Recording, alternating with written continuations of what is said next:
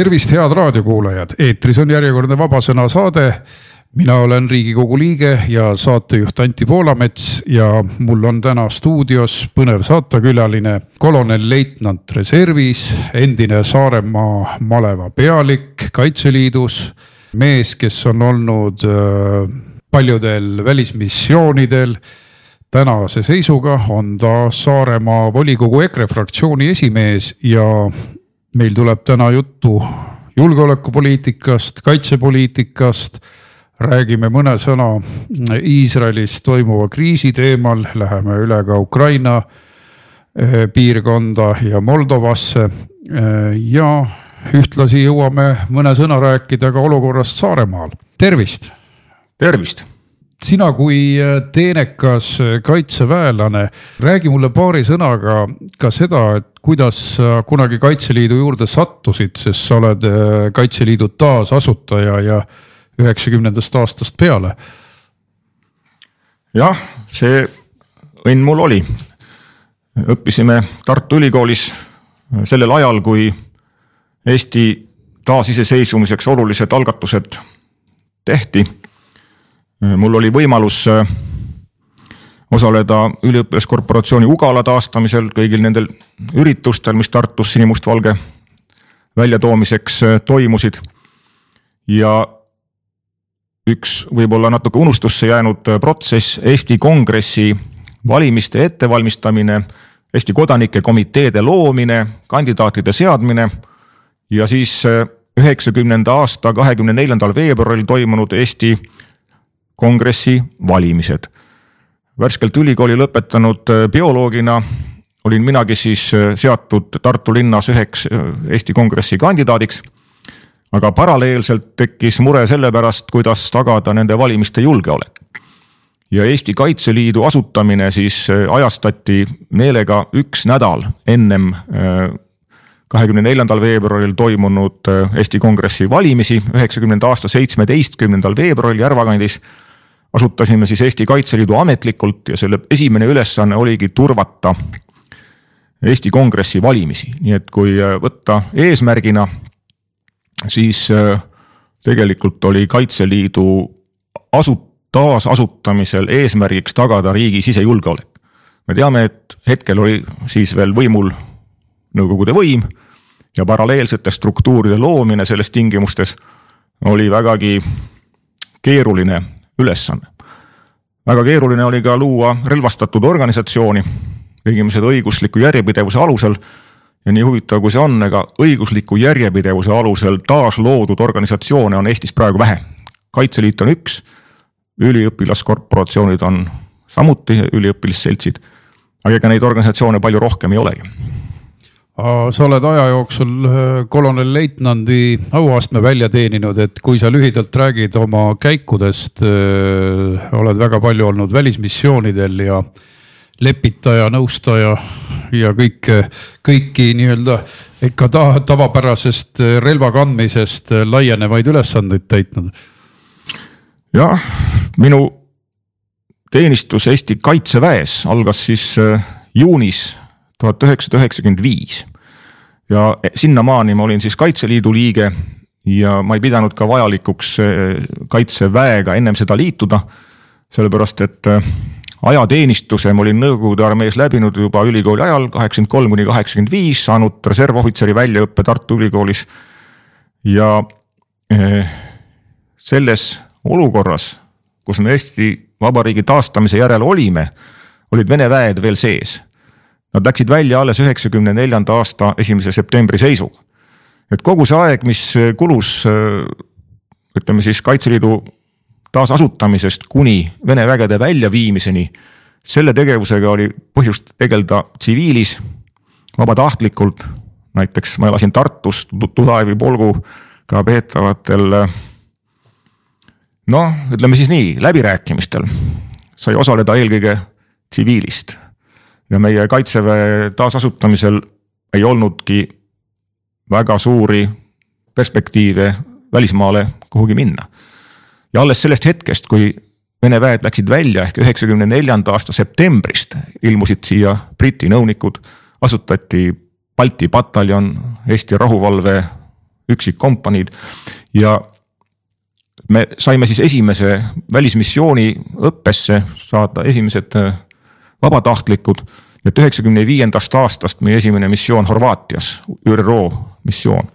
nii et alguses oli see rahvusvaheline abi, mida me saime ju ÜRO rahuvalvemissioonide eesmärgiga, selgelt selleks, et mitte ärritada Venemaad ja meile võimaldada siis sellist neutraalset rolli kahe sõdiva osapoole vahel.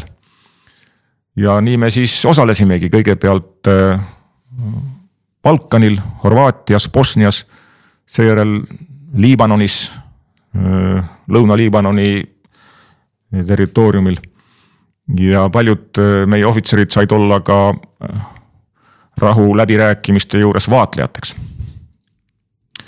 nii et nii see läks ja see esimese võimalusega siis rahvusvahelistes operatsioonides osaleda ametlikult diplomaatilise staatusega.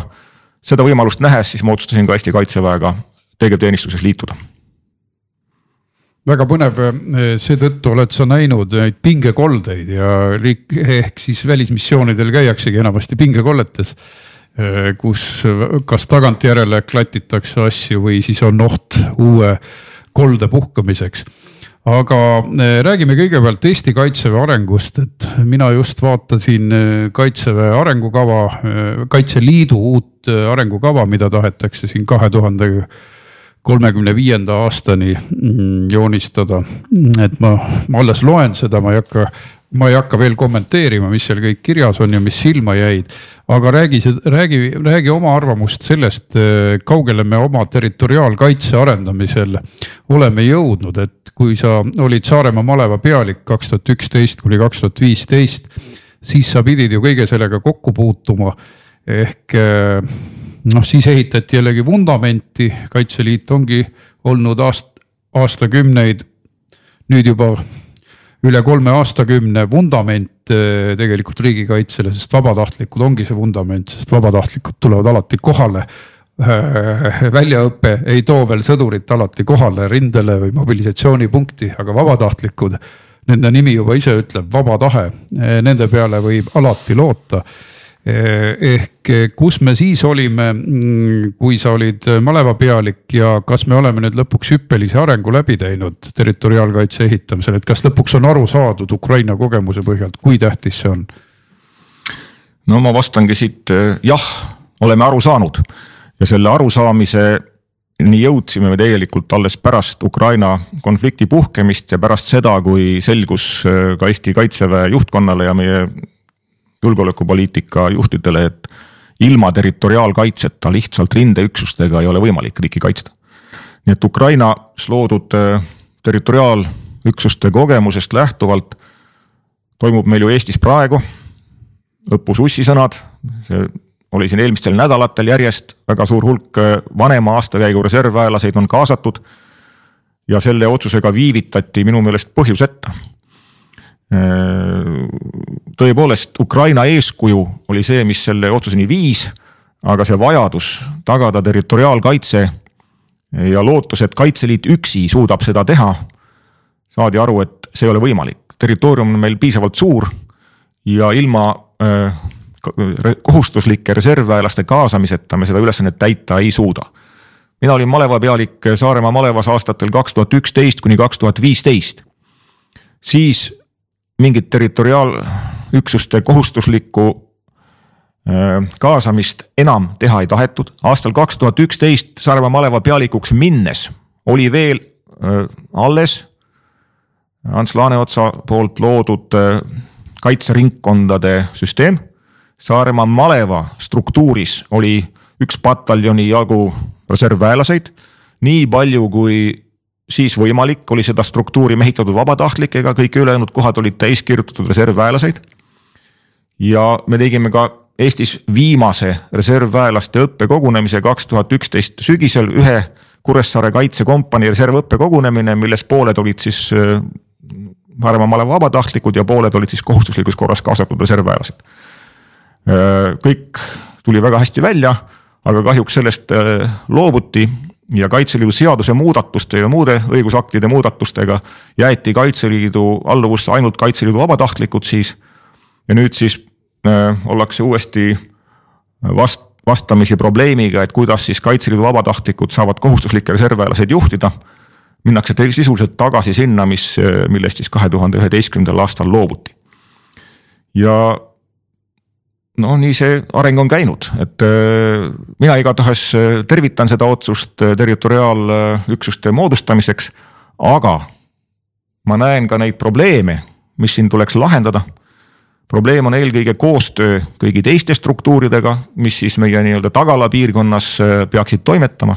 elanikkonnakaitse eest vastutab päästeamet, kohalike omavalitsuste vastutust riigikaitse olukorras, sõjaolukorras ei ole endiselt veel seadusega sätestatud. seadus, mis selleks on aastaid kavandatud, valmisoleku seadus või lühendatud VOS on endiselt menetluses. ja tegelikult väga paljudel riigistruktuuridel puuduvad tõsisema sõjalise kriisi korral ametlikult määratud ülesanded ja ressursid. ja selles olukorras näiteks Saaremaa malevas me lahendasime neid asju juba tulles nii-öelda vastu vabatahtlikkuse korras ja tagades siis veel eksisteerinud väikeste valdade territooriumil igas Saaremaa vallas Kaitseliidu ja Naiskodukaitse poolt toetusüksuse, mis oleks taganud tsiviilvõimu toimimise ka sõjaolukorras. praegu suurtes sundliidetud valdades on sellest loobutud. ja kui on tsentraliseeritud juhtimine Saaremaal Kuressaare linnas siis nemad kahjuks ei saa teha neid otsuseid, mida näiteks Orissaare alevikus elanikkonna kaitseks peaks tehtama. ja Orissaares on meil alles osavald, osavallal on teenusekeskuse juhataja, temale ei ole mingeid ülesandeid määratud ja nii vald seaduslike kohustuste puudumisel on osavalt mööda hiilinud ka sõjaliseks valmistumise kohustusest. ja selles olukorras me oleme täna, ma arvan, et me oleme praegu kahjuks nõrgemas olukorras selle ametkondade vahelise koostöö Äh, ettevalmistamisel, kui me olime väikeste valdade korral, sest sõjalises olukorras me peame nägema ette võimu detsentraliseerimist. liigselt rahuaegses olukorras tsentraliseeritud võim osutub sõjaolukorras juhtimisvõimetuks väga hea tähelepanek, aga seda kõike on võimalik lahendada, kui tähelepanu pöörata elanikkonna kaitsele, et see on nüüd ju olnud suuresti tiiger paberil või siis rebane paberil, sest tiigrit ei ole isegi seal näha olnud, aga nüüd peavad nad avastama uuesti kogu elanikkonnakaitse ja õnneks on ka rahad lõpuks eraldatud. seda kõike on muidugi vähe selleks, et tühjalt kohalt nullist süsteemi üles ehitada. Aga parem kui mitte midagi, me saame elanikkonna teavituseks vähemalt sireenid, mida isegi seda ei ole meil olnud. ja muidugi neid ülesandeid järelikult tuleks kellelegi jagada sest minu meelest see on eriti mage, kui isegi mingeid staabiõppusi ei osata korralikult omavalitsustes teha, sest see ei nõua meilt peale ametnike mm, kerge liigutamise mingit muud ressurssi, et tehke endale selgeks, kes mida teeb, on ju. Et meil on puudu kõikidest varudest, kütusevarudest, mida hoitakse suures osas muide välismaal. see on veel eriti naljakas, et kes meile siis kriisi ajal selle kohale toob samal ajal on Tallinna külje all üks nõukogudeaegne mm, nii-öelda tuumakindel kütuse äh, maa-alune kütusemahuti, kus võiks kõik need kütused äh, meil hoiul olla. see on ainult üks näide ehk äh, jah, ma käisin ise ka just suurel Eesti suurimal õppusel, olin seal siis meediatiimis ja mängisin iseennast ehk riigikogu liiget, kes pidi teatud ülesandeid täitma. õppuse nimi oli Krebex ja seal füüsiliselt evakueeriti kaheksasada inimest Muuga kandist bussidega Muuga sadamast, kus mm, stsenaariumi järgi oli õhku lennanud väetiseterminaal ehk asjaga tegeletakse, aga selles olukorras, kus meil on üldine rahvusvaheline kriis ja hullemaks läheb minu meelest ikkagi see elanikkonnakaitse käib kuidagi aeglaselt selle elluäratamine ja sa tõid tõesti mõned head näited, aga ma küsin veel korraks elanikkonnakaitsest, et nende füüsiliste varudega, neid ju peaks olema ka sadu kordi rohkem. Eh, et tagada kriisi ajal tsiviilelanikkonna ellujäämine, noh eriti Saaremaal, mis on otsekohe ohustatud dessantidest, rünnetest, isoleerimisest. no saartel kohaliku nii-öelda elanikkonna kaitse ja ütleme siis julgeoleku tagamiseks eelkõige ongi küsimus ressurssides kui me võtame rahuaegse olukorra, siis me teame, et Saaremaa toidutööstuses äh, toodetav toit sõidab hommikul rekkadega Tallinna piirkonnas olevatesse hulgiladudesse ja siis vastavalt kaupluste tellimistele tuleb mingil päeval sealt tagasi jaotusketti. ja kohalikku toiduvaru praktiliselt ei ole. ei ole ka mitte mingit süsteemi, mis korraldaks reaalselt siis olemasolevate toiduvarude jaotamist või nende siis lepingulist võtmist toidutootjatelt. ja kui me räägime üldse kriisist, siis me mäletame väga hästi üheksakümnendate alguste kaitseväes toimunud varustamist, me ju saime läänest abi, Rootsist me saime näiteks kiloseid lihakonserve, mille tähtaeg hakkas kukkuma ja mida oli toodetud nendel aastatel Rootsis, kui majanduslikult oli otstarbekas osta oma põllumeestelt loomi selleks, et nad ise oma riigi sõjaaja varudesse toota, näiteks hetkel ei läinud kaup kaubaks, aga põllumeestel siseriikliku majanduskriisi vältimiseks riik kasutas sellist ostmise meedet, seda tehti ka Soomes. ja selliste iseseisvate riikide ütleme siis julgeoleku ja kaitsepoliitika kõige olulisemaks osaks ongi varude kogumine, mida siis kriisi ajal saaks kasutada. kui meil praegu kaupluses on heal juhul paari päeva toiduvaru, siis me saame aru, et kriisi kujunedes seda varu juba ei täiendata ja kui see kriis päriselt kohale jõuab, siis kõige suuremaks mureks kohalikus omavalitsuses ongi suuremates asulates. kuidas selle asula elanikke ja sinna võib-olla kriisi ajaks varju tulnud inimesi toita, kust seda toidu võtta, aineid ja kuidas seda vormistada sellepärast, et ei saa minna lihtsalt ütelda toidutootjale, et nüüd me võtame sinult kõik ära. see peab olema kokku lepitud, läbi räägitud ja kõige mõistlikum on, kui sellised varud saartel luuakse nüüd, ennem seda, kui see kriis tuleb. ja selle varude hoidmine ja säilitamine on lisatöömeede, mis on ka regionaalpoliitiline äh, võimalus. Ja eriti saartel peaks see olema, me oleme eile näiteks äh, Saaremaa valla tänane vallavõim äh, nõustus siis kriisiteemadel rääkima, aga kahjuks sellesama seaduslike kohustuste puudumisel ei ole nad veel ilmutanud vaba tahet minna selle seadusliku kohustuse puudumisel sammukese edasi ja, ja siis valmistada ette vabatahtlike abiliste vastuvõtmine. Nendes omavalitsustes, kus kohaliku omavalitsuse juhid ise on ka näiteks Kaitseliidu liikmed, Naiskodukaitse liikmed, nendega läheb koostöö palju paremini, sest nad on mõelnud selle peale ette. Nendes, kus see nii ei ole, on meil suured probleemid, sellepärast et kui ei ole harjutatud, kui ei ole mõeldud, siis kriisi korral koostöö reaalselt toimima saamiseks kulub väga palju äh, aega, mida oleks vaja juba äh, reaalsete otsuste tegemiseks. isegi telefoninumbreid ei ole. kui need oleks olemas, siis on ainult mõne minuti küsimus, keda kätte saada, mitte guugeldada, kui elekter on maas, eks keda sa guugeldad. no sa tõid tõesti ühe hea näite, et kui toiduvarusid ei ole, siis ei ole lõpuks midagi, sest sõjavägi võib lõpuks toidust ilma jääda, tsiviilelanikkond ja, ja siis ei sõdi ka suured üksused, vaid ainult need, kellel on parasjagu süüa ja konservi. Äh, ja me ei jõua siin neid elanikkonnakaitse valdkondi katta ükshaaval, evakuatsioon, kõik, kõik, kõik elekter, äh, joogivesi, kõik on vaja läbi mõelda ja see on alles algjärgus. küll aga sa märkisid olulist asja, et need, kes on kokku harjutanud nagu kasvõi need naiskodukaitsjad, kes on mõnes omavalitsuses tööl, siis nad ongi kullavarandus seal ja siit muidugi üleskutse, et tuleb astuda Kaitseliitu, kust mina olen ka enam-vähem samal ajal kui sina liitunud üheksakümne esimese aasta alguses, tuhat üheksasada üheksakümmend üks, kui Vilniuse kriis oli. õigupoolest me hakkasime seda enne tegema. kah oma ühiselamus, nii et me oleme samal ajal siia julgeolekulainele, Kaitseliidu lainele ennast lülitanud.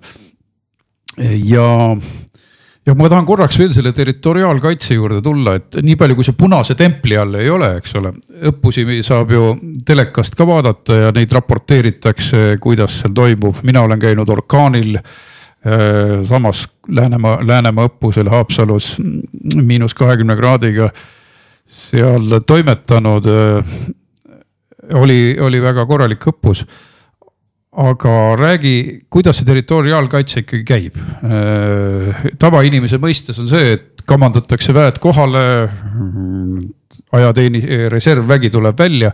aga mis saab siis territoriaalväest, kas see jääb paigale ja hakkab mingit teatud piirkonda kaitsma? territoriaalkaitseüksus Kaitseliidu all. väga oluline ülesanne siis territoriaalkaitses nii-öelda selles osas, mis vaenlase regulaarväed ei ole veel jõudnud, me peame eeldama, et nende nii-öelda eriüksuslased ja diversandid on ammu kohal. Nad on praegu meil siin kohal, aga nende tegevus äh, ja nende tegevuse peatamine. ega siin ajaloos on ju kogemusi piisavalt. me teame, et teise maailmasõja ajal äh, Venemaal ette valmistatud diversandid ei jõudnud öösel alla visates hommikul kuhugi, nad võeti kohalike varasemate Kaitseliidu liikmete, siis oma kaitseliikmete poolt kinni praktiliselt kohe ja kõik see teavitussüsteem ole omamata ka telefone sellel ajal ja muud liikus nii kiiresti, et lihtsalt äh, võeti kinni. aga äh, seesama asi on praegu ju läbi harjutamata ja kui me nüüd äh, näeme, kuidas üritatakse siis rühmade kaupa näiteks paigutada territoriaalkaitseüksuseid mingite asulate julgestamiseks. siis minu nihuke lihtne rahvale arusaadav nõuanne oli see, et andke igale rühmale, näiteks mingis alevikus, kes julgestab sellesse alevikku sissepääse mööduva teel toimuvat liiklust ja tagab äh, elanike ohutuse, tagab, tagab ka selle, et äh, ei toimuks marodöörlust ja keegi seal mingeid diversiooniakte ei teeks. andke neile vähemalt ühe kompanii välikatel, et nad teeksid süüa mitte ainult endale, vaid ka neile abivajajatele, sellepärast et kui me näeme, et hulk mehi on pärast samas toidusabas, kus naised ja lapsed, siis nad konkureerivad selle ressursi pärast, kus nad ei peaks konkureerima. ja see lahendus et nad ise endale süüa teeksid, toidaksid ka abivajajaid, on ju esimene territoriaalkaitse ülesanne, me peame kaitsma oma inimesi, sest et vaenlast ei pruugi veel nädalate kaupa silmapiirile ilmuda. ja selliste lihtsate lahenduste puhul nad peaksidki selle kohaliku omavalitsuse tasand, sellesama alevik, mis oli varem vallakeskus, on tänaseks jäänud nagu ilma tsiviilvõimuta keda nad siis seal toetavad, me peame hakkama uuesti moodustama seda üksust, kes siis nagu elaniku kaitse, elanikkonna kaitsega seal tegeleb, selle sõjaväeüksuse ülesanne see selgelt ei ole. aga juba toiduressursside jagamisel peavad nad kindlasti julgeolekut tagama, sest seal võidakse minna ka kaklema, eks ole. ja eluline, väga eluline näide, et me oleme, ma olen seda Ukrainas kõi, oma silmaga näinud, et no, punkt on siis äh, need äh, turvapunktid, kus sai telefoni laadida, kus sai sooja teed, küllap ka sooja suppi. ehk siis üle riigi loodi pärast elektrikatkestust sellised asjad, et me peaksime olema samamoodi need kõik läbi harjutanud, et tere mhm. siin Ukraina kogemuse pealt, et tere, siin ongi see murdmatuse punkt. ja äh, kusagil kokku lepitud kohas on see kokku harjutatud, telgid on valmis pandud no meil on isegi noh, ütleme niimoodi asulates no, ruumipuudust ei ole. aga telgid on selgelt vajalikud mõnes, no näiteks kõige lihtsam asi, kui hoones ei ole enam üldse ühtegi pliiti, siis õue pandud telgis võid panna välipliidi ja saab kogu maja sealt suurest potist keedetud sööki teha, ei pea nagu igaüks ise sussitama. me oleme näinud ju neid pilte Kiievi eeslinnades, kus vanamemmed tulid viiekordse Hruštšovka trepikoja ette, murdsid sealt äh, paplite küljest oksi ja püüdsid telliskivide vahele tehtud äh, improviseeritud pliidid ise endale süüa teha no vot, me ei taha sellisesse olukorda sattuda, me no, tahame, et see asi toimuks paremini. väga hästi öeldud ja siit moraal, et väga tähtis äh, varude osa on väliköögid, mida võiks rahumeeli soetada varuga tuhandete mm -hmm. kaupa. et väga hea on neid ka rahuajal kasutada avalike ürituste toitlustamiseks, aga see on, see on lihtsalt üks eluline näide mida tuleks teha ja mida tuleks õppida.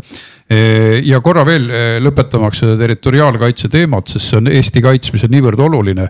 et kas see nüüd ametlik number on nüüd läbi käinud, kui suureks see territoriaalkaitse reserv tõsteti võrreldes varasemaga? ma ei tea seda numbrit, aga noh, see suurusjärk on ikkagi kümme tuhat, mida oleks vaja selle ülesande täitmiseks. nüüd on küsimus, et kui suure ülekattega, alati on ju reservvägede puhul see, et ei ole mitte ainult see number, vaid küsimus on siis, et kui mõni ei saa tulla, kes teda asendab. et kõik need ülesanded, mis puudutavad reservväge, peavad olema varuga. ja no kõige esimene varu on, eks ole, meie tegevväelaste asendamise süsteem. kui mõni ohvitser langeb, kes teda asendab? sealt peaks alustama, et juhtimises ei tekiks lünki. ja seal ongi see võimalus vabatahtlikel toetada ka kohalikke omavalitsusi ja muid riigiasutusi vabatahtlikel alustel. sellepärast, et tuleb, tuleb mõista, et territoriaalkaitses ei töötata enam kaheksast viieni, laupäev, pühapäev vaba.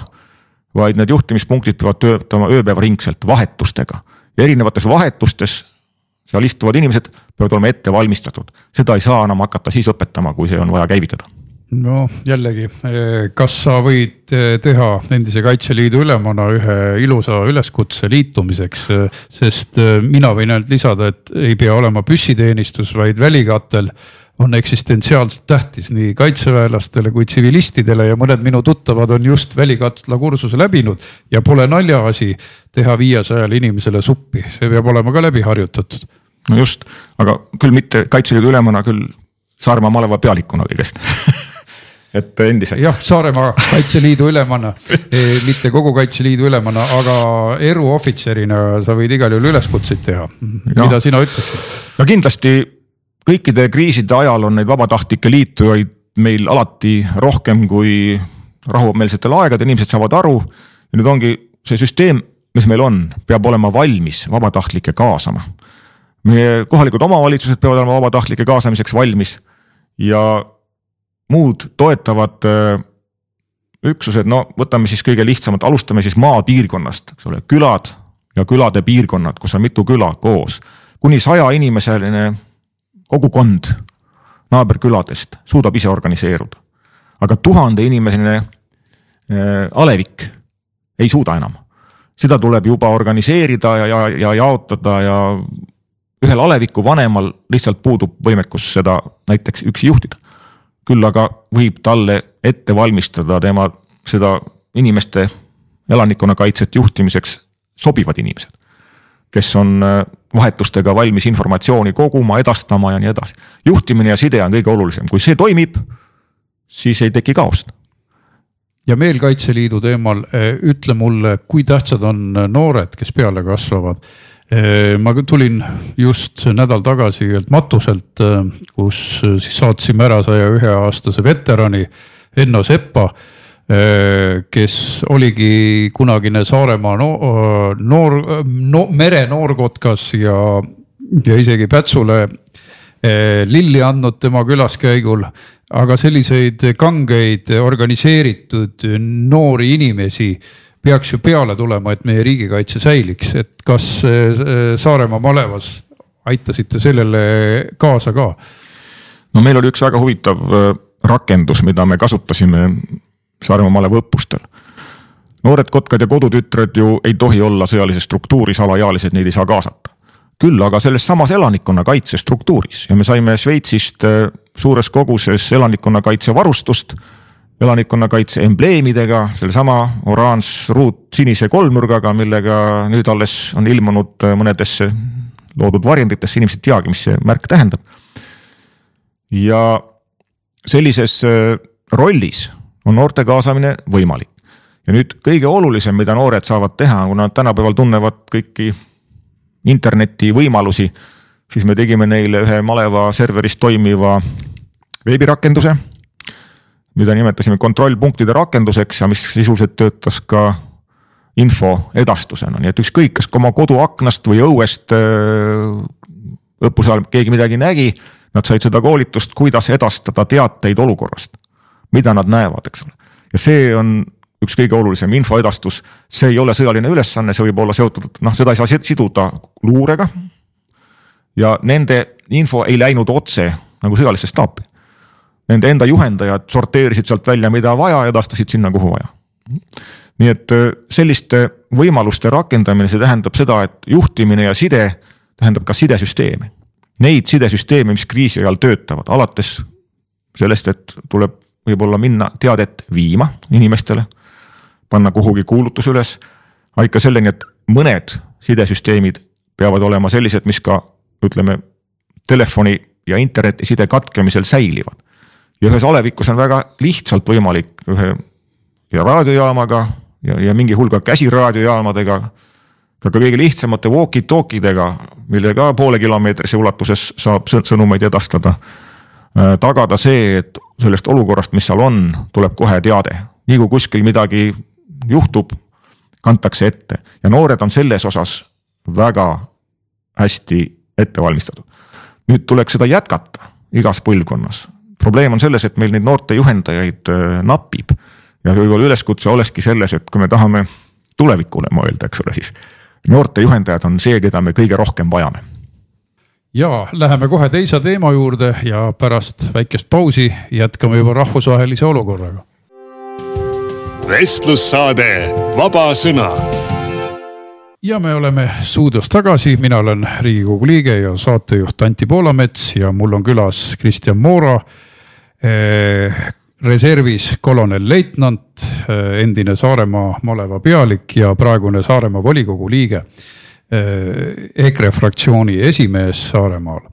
Eh, sa oled teeninud eh, ikka väga paljudes kohtades, aga ma küsiksin kõigepealt sinu tunnetust Iisraelis toimuva kohta, sest sa olid sõdurina ka Liibanonis rahuvalvevägedes.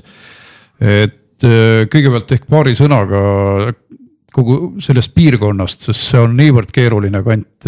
Liibanon ise on läbi põimunud äh, hulgast usunditest, eri rahvustest, eri pingetest. Mm, Iisraelis elab väga palju palestiinlasi, kellel on eh, väga suur pingevahekord eh, siis Iisraeli põhirahvastikuga, juutidega. ja nüüd see juhtuski, et käis suur pauk ära, selle taga on ilmselt suur rahvusvaheline mäng, nagu selgitatakse tihtipeale, et on seotud hoopis Iraani huvidega, et äh, Iisrael ei sõlmiks Saudi Araabiaga paremaid suhteid, et, et nüüd oli see hetk käes, et äh, muidu oleks Iraani jaoks olukord palju kehvemaks läinud, kui Saudi Araabia ja Iisrael oleks lähenenud üksteisele. aga kui sõduri saapad maha panna, mis pilt avaneks näiteks sellest piirkonnast, kus sina teenisid, Liibanonist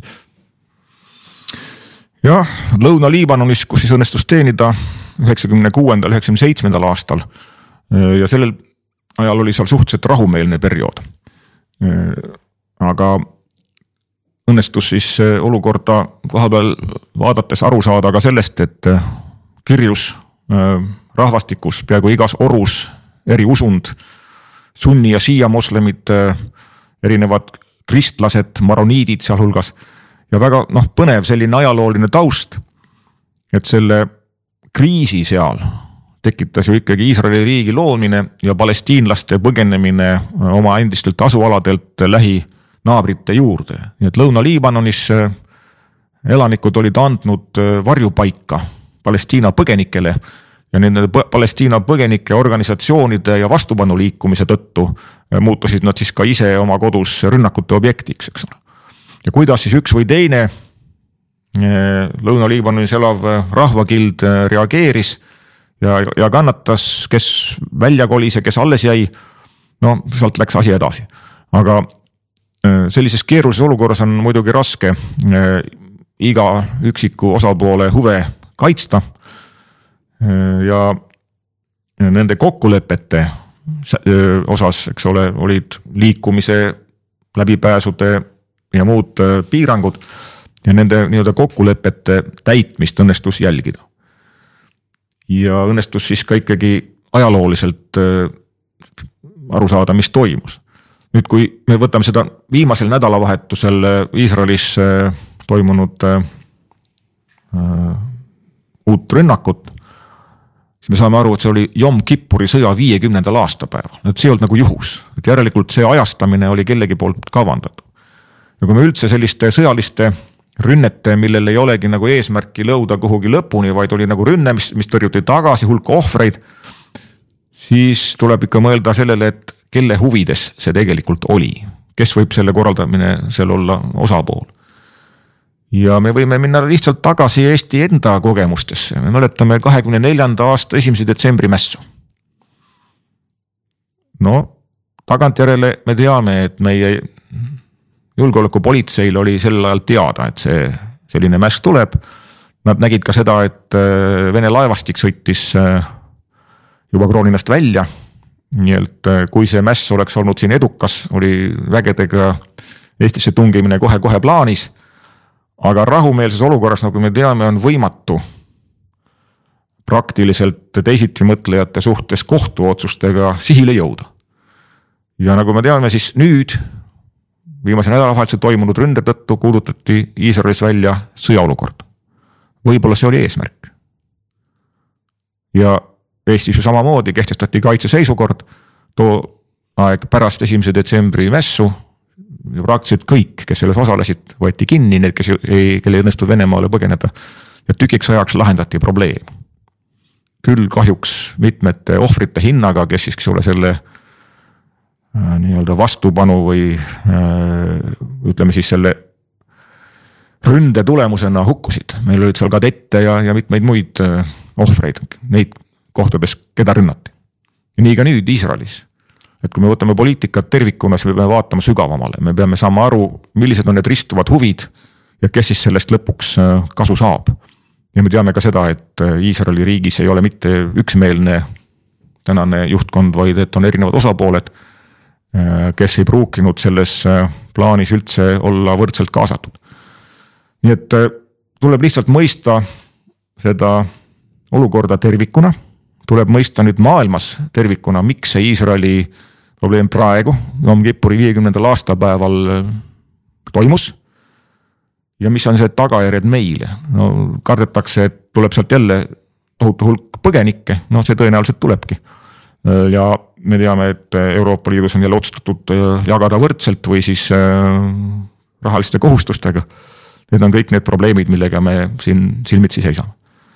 et igal juhul me peame nagu üritada, üritama mõistma nii-öelda päevauudiste ja videoklippide tagant seda, kelle huvid on mängus ja kes siis sellest äh, reaalselt kasu saavad.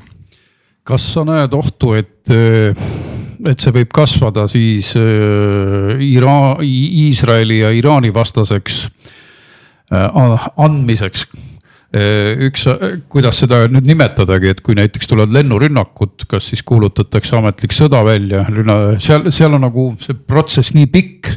et ei saagi aru, kust asi algab ja kust lõpeb, ütleme. sest praegune intensiivsus sellel rünnakul on tohutult kõrge, aga noh, selliseid raketisadusid on olnud ju palju ja palju siis Liibanonist on Hezbollah tulistanud päris sageli Iisraeli Äh, ja, ja kas sa näed selle eskaleerumise võimalusi ja siis veel USA sekkumist? et vähemalt kui Eesti seisukohalt vaadata, siis ei ole hea, et äh, asjad kasvavad, sest siis Ukraina teema võib jääda mõneks ajaks maailma tähelepanu alt äh, nagu vähem, vähem sellesse fookusesse. ma hetkel ei näe öö, neid varjatud eesmärke, mis võivad selle sündmuse taga kõik ärgavalt lahti rulluda. eks see sõltub äh, jõudude vahekorrast, kellel oma eesmärkide saavutamine õnnestub ja kellel mitte. aga me teame küll Ameerika sisemist äh, praegust olukorda. ja me teame ka seda, et Iisraeli on nimetatud üheks osariigiks. nii et äh, kindlasti me peame vaatama USA ja Iisraeli telge selles konfliktis. aga nüüd, mis puudutab, et võib-olla siis Iraan ründab, no ma ei arva, et sellise moega äh, Iraan ise oleks äh, konflikti algataja, et äh,, et selline noh, tänaseks äh, enam-vähem mingites konkreetsetes piirides kergrelvadega ja toimunud äh, rünne oleks siis nagu suure sõja alustamise ettekääne. Ma pidasin just silmas, et kas Iisrael äkki mõtleb, et Iraani tuumarajatisi rünnata, mis on tal kogu aeg äh, pinnuks silmas, et lennuväega käia üle. no neid äh, katseid äh, on ju varem isegi tehtud, aga ma praegu ei hakka sellist asja ennustama, ma ikkagi tahaks vaadata neid arenguid maailmast kõrvaltvaataja pilguga. ja jõudagi selleni, mis sa ütlesid, et äh, mis on meie võimalikud ohud sellest, et maailma tähelepanu pöördub mujale. me näeme, et suuremates konfliktides meile tähelepanu enam ei jagu. ja kui me nüüd oleme arvestanud, et me oleme siin ainus, keda rünnatakse ja kõik tulevad meile appi, siis me peaksime vägagi saama aru, et tegelikult tõelises olukorras, kus meid rünnatakse, sõltub meie enesekaitse eelkõige meist endist. ja need, need võimalused, et keegi meile ka appi tuleb, on head, kui nad nii on, aga me peame suutma eelkõige konflikte vältida. ja siis veel kord teha kõik selleks, et see konflikt siin ei eskaleeruks ja alles siis me peame noh, peame olema valmis ennast reaalselt kaitsma. aga lootust, et keegi meid kaitseb meie eest, no see ei äh,, ei tööta, et äh, meie iseseisva kaitsevõime juures me peame arvestama, et maailmas toimuvate konfliktide korral me võime jääda üksi see on hoiatav. Eh, aga ma küsin edasi eh, nendest kantidest, kus sa oled veel käinud, et sa veetsid üsna kaua aega Dnepri-äärses nõndanimetatud vabariigis ehk eh, Vene enklaav Moldova ja Ukraina vahel.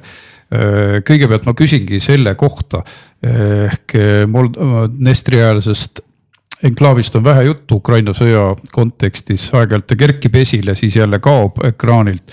seal on tohutud laskemoonalaod, nagu ma olen aru saanud ja, ja minu meelest oleks vajadusel, kui Venemaa suudaks seda kasutada Ukraina vastu e,. siis Ukraina saaks selle piirkonna edukalt ära võtta, sest Venemaal on see probleem, et ta ei saa sinna vägesid juurde tuua, kuna neil ei ole nagu otsest ligipääsu enklaavile kas ma olen õigesti aru saanud just selle noh, enklaavi teatud geograafilises äh, noh piiratuses?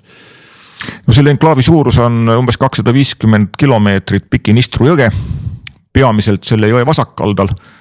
Aga ühes kohas siis äh, Benderi ehk siis rumeenia keeles Tigina linna juures ka suur sillapea Moldova poolsel kaldal. ja kui me siin võrdleme seda ala no tema laius on seal kakskümmend viis kilomeetrit keskmiselt ehk siis suurtüki lasu kaugus. ja seda ala ülevalt alla sisuliselt äh, on võimalik kasutada ainult ühte maanteed. Nii et äh, üsna keeruline selline olukord, mida siis äh, näiteks kaitsta, kui seda nagu kahelt poolt rünnata Ukraina või Moldova poole pealt, samal ajal tõesti relvastatud ja Venemaa kontrolli all, nii et seda ei tihata teha. aga kõige lihtsam asi, mida me siin peaksime aru saama, on inimesed. ja kuna selles äh, Nistru-äärses äh, Venemaa poolt loodud äh, separatistlikus vabariigis teenivad kohalikud on küll ütleme siis selle inimkolonisatsiooni tulemus, Moldovasse me teame, et kaks kolmandikku elanikkonnast toodi üle Venemaa varustest sisse, ta oli kõige tihedamini asustatud liiduvabariik ja suur osa nendest olid venekeelsed. ka Ukrainast tulid paljud, aga läksid venekeelseks üle. siis nende inimeste, kes seal elavad, eesmärk ei ole oma kodus sõdida. nii et äh, kõik sõjakäigud on sellised, et üritatakse küll kaitseväge formeerida, viia ta võimalikult kodust kaugele. ja sellepärast äh, need Dnistruäärse vabariigi kodanikud seal on kõige vähem huvitatud sellest sõjast ise nii et kui nüüd me vaatame tagasi aastasse kaks tuhat neliteist, kui võeti ära Krimm, siis neile anti ülesandeks võtta ära Odessa. Nad keeldusid seda ülesannet täitmast. Ja sellest tuleb aru saada, kui et nad tõepoolest ei taha jääda sõjast teiseks, sest neil ei ole mitte kuhugile minna. Nad saavad aru, et nad on sinna tulnud üsna hiljuti. Nende esivanemate haudu seal praktiliselt ei ole aga neil ei ole ka kuhugi edasi minna. nii et kui seda sõda provotseeritakse, siis mitte nende inimestega, kes seal elavad küll on sealt värvatud suhteliselt palju Wagnerlasi ja muid äh, eriüksuslasi, kes teenivad siis muudes maailma piirkondades.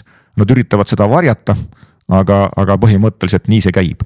nii et kui nüüd tahta seal äh, tõsta see mm, habras äh, olukord tõesti sõjaliseks konfliktiks, siis peab Venemaa sinna kõigepealt juurde viima olulises koguses väge mujalt, nad ei ole sellega seni hakkama saanud ja seda oli hea teada, sinu hästi informeeritud vaatepunkt, sest seal peab tundma ka geograafiat, see ei ole ainult täpike kaardil.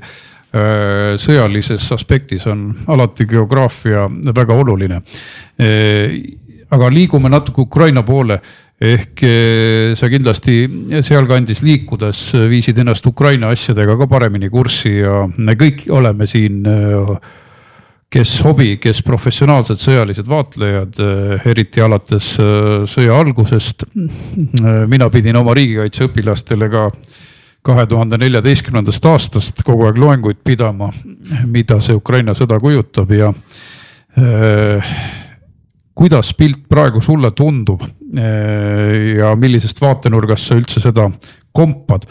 Sa muidu teed ju äh, lugejatele, kuulajatele selgeks äh, seda ka, et tegelikult kaitsepoliitikas on kaks väga olulist dimensiooni, üks on julgeolekupoliitika ja teine on kaitsepoliitika, et üks on rohkem saapad maas, teine on rohkem Jaan Poska moodi läbirääkimiste kunst. Või kuidas sina seda eristaksid? jah, see on küll vajalik äh, mõistmine sellest, mis toimub, et äh, julgeolekupoliitika, mida peetakse siis riikide vahel ja kus on diplomaatilised äh, suhted ja lepped ja kaitsepoliitika, millest me siis räägime nagu kahuritest ja, ja relvasüsteemidest ja nende kasutamisest.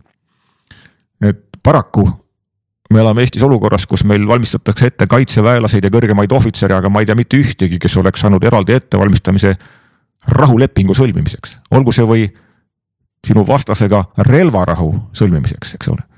kui me teame, et vabadussõja rinnetel suudeti sõlmida lõpuks relvarahu. relvarahu aastapäeva me tähistame ju kolmandal jaanuaril.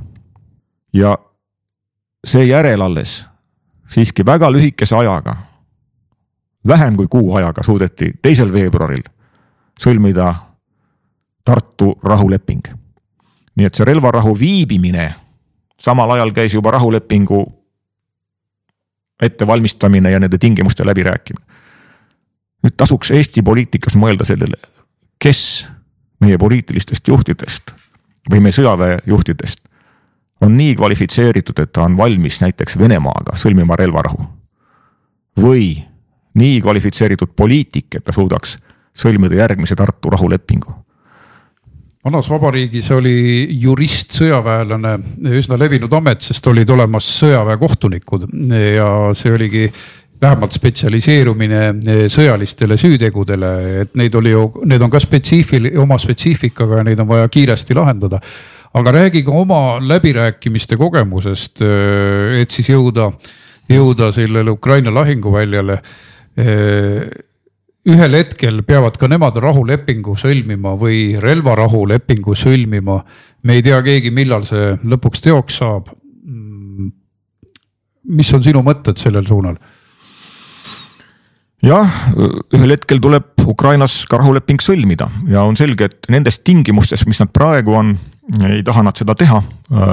maailmast erinevad riigid tahaksid neid selleks sundida, neil on võib-olla ükskõik, kus see piir kulgeb ja lõpuks selle piiri äh, sõlmimise taga võib olla rahva tahe, aga paraku enamikes viimastes lepingutes on mingi rahvusvahelise koalitsiooni tahe, mida surutakse sellele riigile või rahvale peale.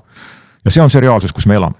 aga kogemustest rääkides, no ma tõesti neli ja pool aastat olin Moldova ja Transnistria konfliktis, milles siis osaliseks olid Vene väed Transnistria piirkonnas, kes üritasid seal etendada rahuvalvaja rolli aastast juba üheksakümmend kaks, kui seal äh, läks sõjaks.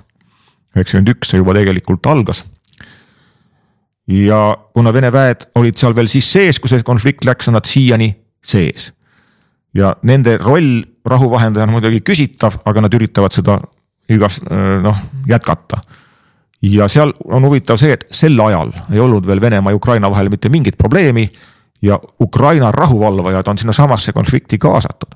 et istuda iga nädal läbirääkimiste laua taga, kus ühel pool istuvad Vene kindralid ja polkovnikud, teisel pool Ukraina kindralid ja polkovnikud, kolmandal pool Moldova esindajad, kahjuks kindral juhtis seda. ja neljandal pool siis äh, Transnistria vabariigi separatistid. ja OSCE esindajana pidin mina siis neid läbirääkimisi vahendama, mitu aastat, neli ja pool ja meil tõesti õnnestus selle alates kaks tuhat kuusteist, kui see esimene eh, pinge siis kahe tuhande neljateistkümnenda aasta järel Ukraina ja ka seal Transnistrias eh, puhkes, kui Krimm ära võeti, siis oli kaks aastat see tsoon kinni. kui mina missioonile läksin, siis meil õnnestus sinna piirid avada, liikumised taastada ja taastada mingisugune kokkulepetel püsiv äh, elu. ja nende kokkulepete rikkumise korral iga kord siis äh, menetleda nii-öelda ja jõuda ka siis jälle järgmise leppeni. selliste lepete sõlmimise kogemus muidugi on ka see, et pead aru saama, mis siis on suurriikide huvid. kas nende suurriikide huvid on üldse seda konflikti lahendada? ja me jõuame ka sageli tõdemuseni, et mõni selline konflikt ei tahetagi lahendada ja siis need kohalikud mõistavad seda kõige paremini. ja nad kohanevad selle konflikti sees elamiseks. ja nüüd on küsimus, et millal seda siis järgmisena eskaleeritakse väljastpoolt, sest nad ise ei ole selle eskaleerimisest huvitatud. nii et äh, nüüd, kui minna selle Ukraina ja Venemaa vahelise rahvusvahelise konfliktini, siis me peame ka aru saama selle, mida Ukraina rahvas tahab. mida võib-olla lääneliitlased tahavad, mida Venemaa tahab.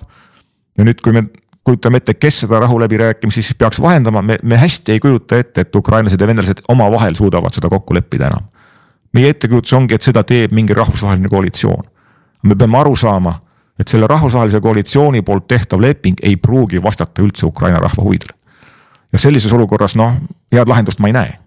küll aga nende läbirääkimiste juures noh, osalemine annab kogemuse ja ma tahaks küll, et mõni Eesti kaitseväe juhtkonna esindaja oleks ka selle läbirääkimiste juures, vähemalt saaks oma kogemused.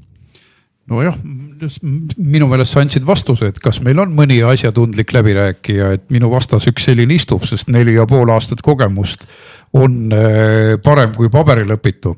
ehk näha, kuidas pooli kokku pannakse ja sellist, selline kompetents on kulla hinnas, sest kogemus on üks asi, paber on teine asi aga pärast väikest pausi me läheme viimase teema juurde, kuulame ka uudiseid Saaremaalt. Vestlussaade Vaba Sõna igal kolmapäeval kell üheksateist Virumaa Tre raadios. järelkuulamine viru.treraadio.ee jah, tuletan meelde, et stuudios on saatejuht Anti Poolamets, riigikogu liige ja minu külaliseks kolonel-leitnant reservis, endine Saaremaa maleva pealik ja praegune Saaremaa volikogu liige Kristjan Moora. Kristjan, äh, räägi, kuidas te oma tormi üles elasite Saaremaal? no meil kodus oli elekter ära kõigest kaks ööpäeva, paljudes kodudes rohkem.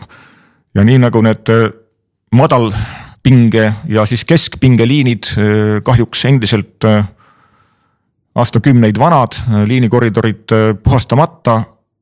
eelmise sügise ja talviste tormide järel tehti küll suuri pingutusi, aga endiselt puud kukuvad peale ja liinid katkevad ja nende taastamine võtab siis ööpäevade pikkuse aja. Nendes kohtades, mis on siis suurematele alajaamadele lähedasemad, kus on maa-alused kaablid, siis õnneks need saja kümne kilovoldised põhivõrgukaablid on seni vastu pidanud, kuigi nemadki on juba noh, viiskümmend aastat vanad. ja selles osas kindlasti oleks ka investeeringuid vaja ja me saame võrrelda noh, nende investeeringutega, mis Eestis mujal on tehtud. mõnes maakonnas on äh, maa-aluseid äh, kümne kilovoldiseid kaableid rohkem rajatud, seal on katkestusi vähem, seal, kus seda ei ole tehtud, on neid rohkem. no see on meie jaoks tavapärane elu, nii et ma katsetasin sellel päevadel ära ka oma koduse generaatori mul on see generaatori valmidus olemas, lülitan vooluvõrgust generaatori peale ringi ja majal on vool ja elu võib jätkuda.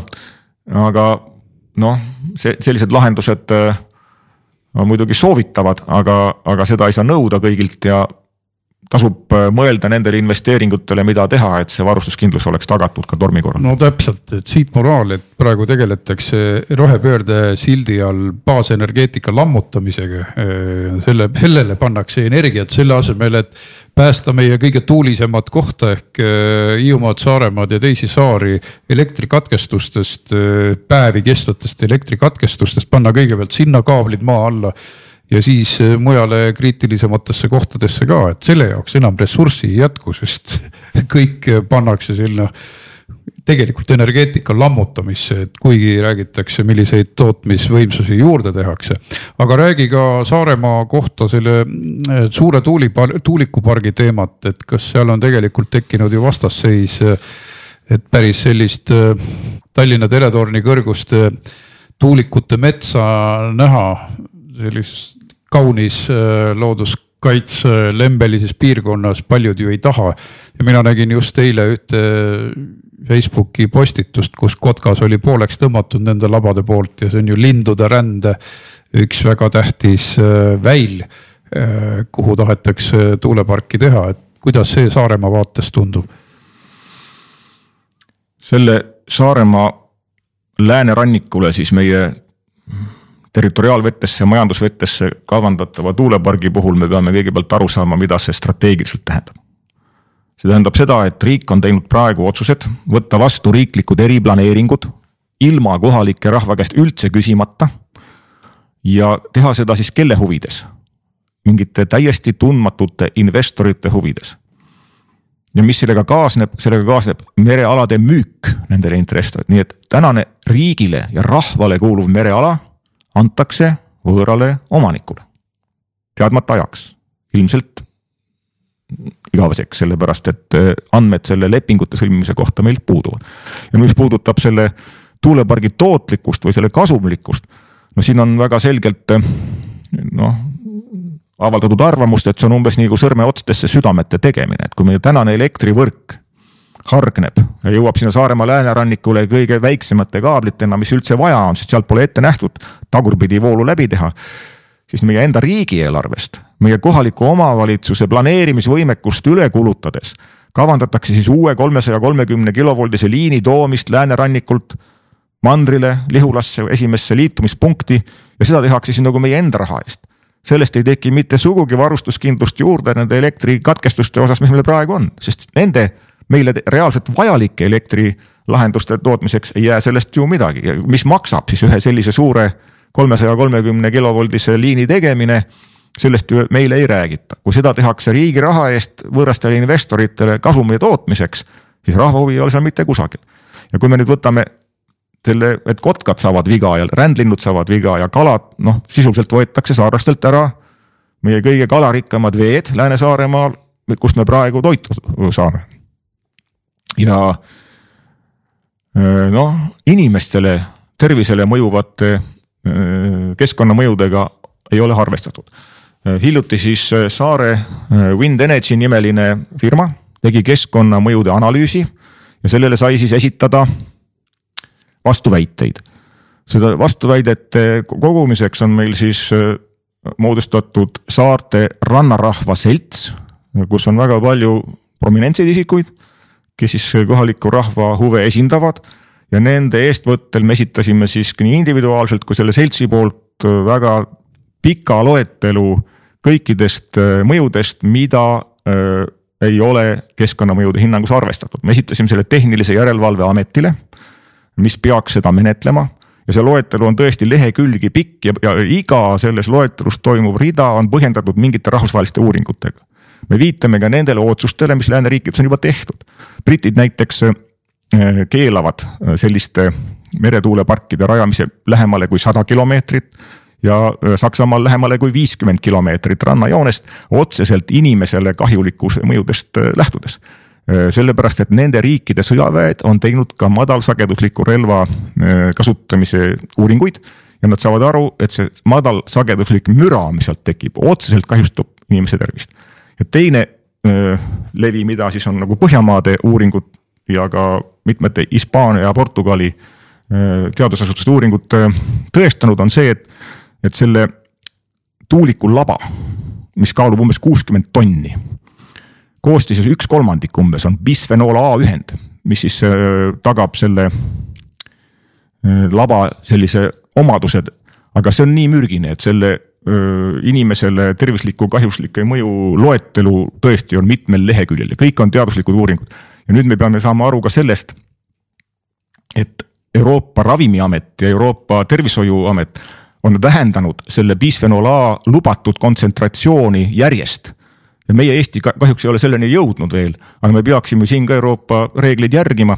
nii et meie nagu vabatahtlike algatusel on toodud välja lehekülgede kaupa põhjendusi, miks seda ei ole vaja ja nüüd, kui me jõuame majanduslike põhjendusteni, siis inimesed, kes on rajanud oma kodud läänerannikule, nende kodude väärtus ju kaob ja keegi ei küsi, mis, mis rahvas ise arvab.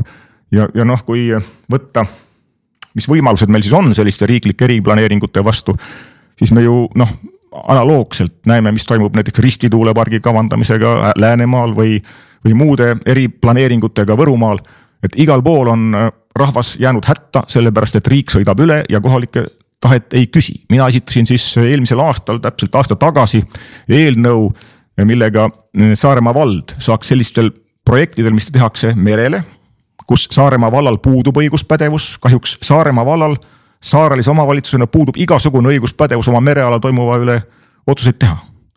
aga et vähemalt siis küsida rahva käest, mis nad arvavad selle teema, kas nad pooldavad või ei poolda. ja tänane koalitsioon siis Reformierakond ja sotsid tegid selle eelnõu ringi ja sõnastasid selle nii, et küsida tohib ainult valla õiguspädevuses olevaid küsimusi. elanike huvides olevaid küsimusi, mis lähevad õiguspädevusest väljapoole, ei tohigi küsida. no sellises äh, olukorras me nõukogude ajal elasime, eks ole. me oleme tagasi, et kui me tahaksime nüüd oma õiguseid kaitsta, äh, siis kohaliku rahva õiguseid kaitsta riigi eriplaneeringute vastu siis öelge mulle ka, mis meetodeid me peaksime selleks kasutama, milliseid rahumeelseid meetodeid me peaksime kasutama, et seda teha ja meil mõned äh, mõtted on rahumeelsed, konstruktiivsed. Esialgu me siis äh, esitasime need äh, argumendid, mis on teaduslikult põhjendatud, kui sellel tuleb ka vastus, et, et sellest ka ei hoolita, no eks me peame siis võtma järgmist sammu. Ja suurepärane eh, teema.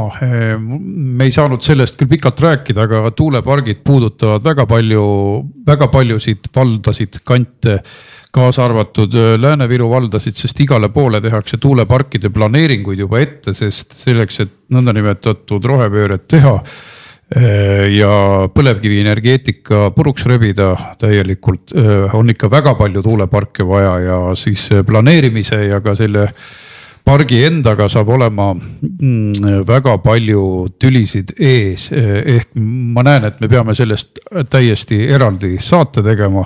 aga aitäh tulemast ja valgustamast nii Saaremaa asju, rahvusvahelisi konflikte kui ka Kaitseliidu arenguid äh, aitäh, kolonel-leitnant reservis äh, ja Saaremaa volikogu EKRE fraktsiooni esimees Kristjan Moora, loodan sind jälle saates näha. tänan kutsumast vestlussaade Vaba Sõna igal kolmapäeval kell üheksateist Virumaa Tre raadios. järelkuulamine viru.treraadio.ee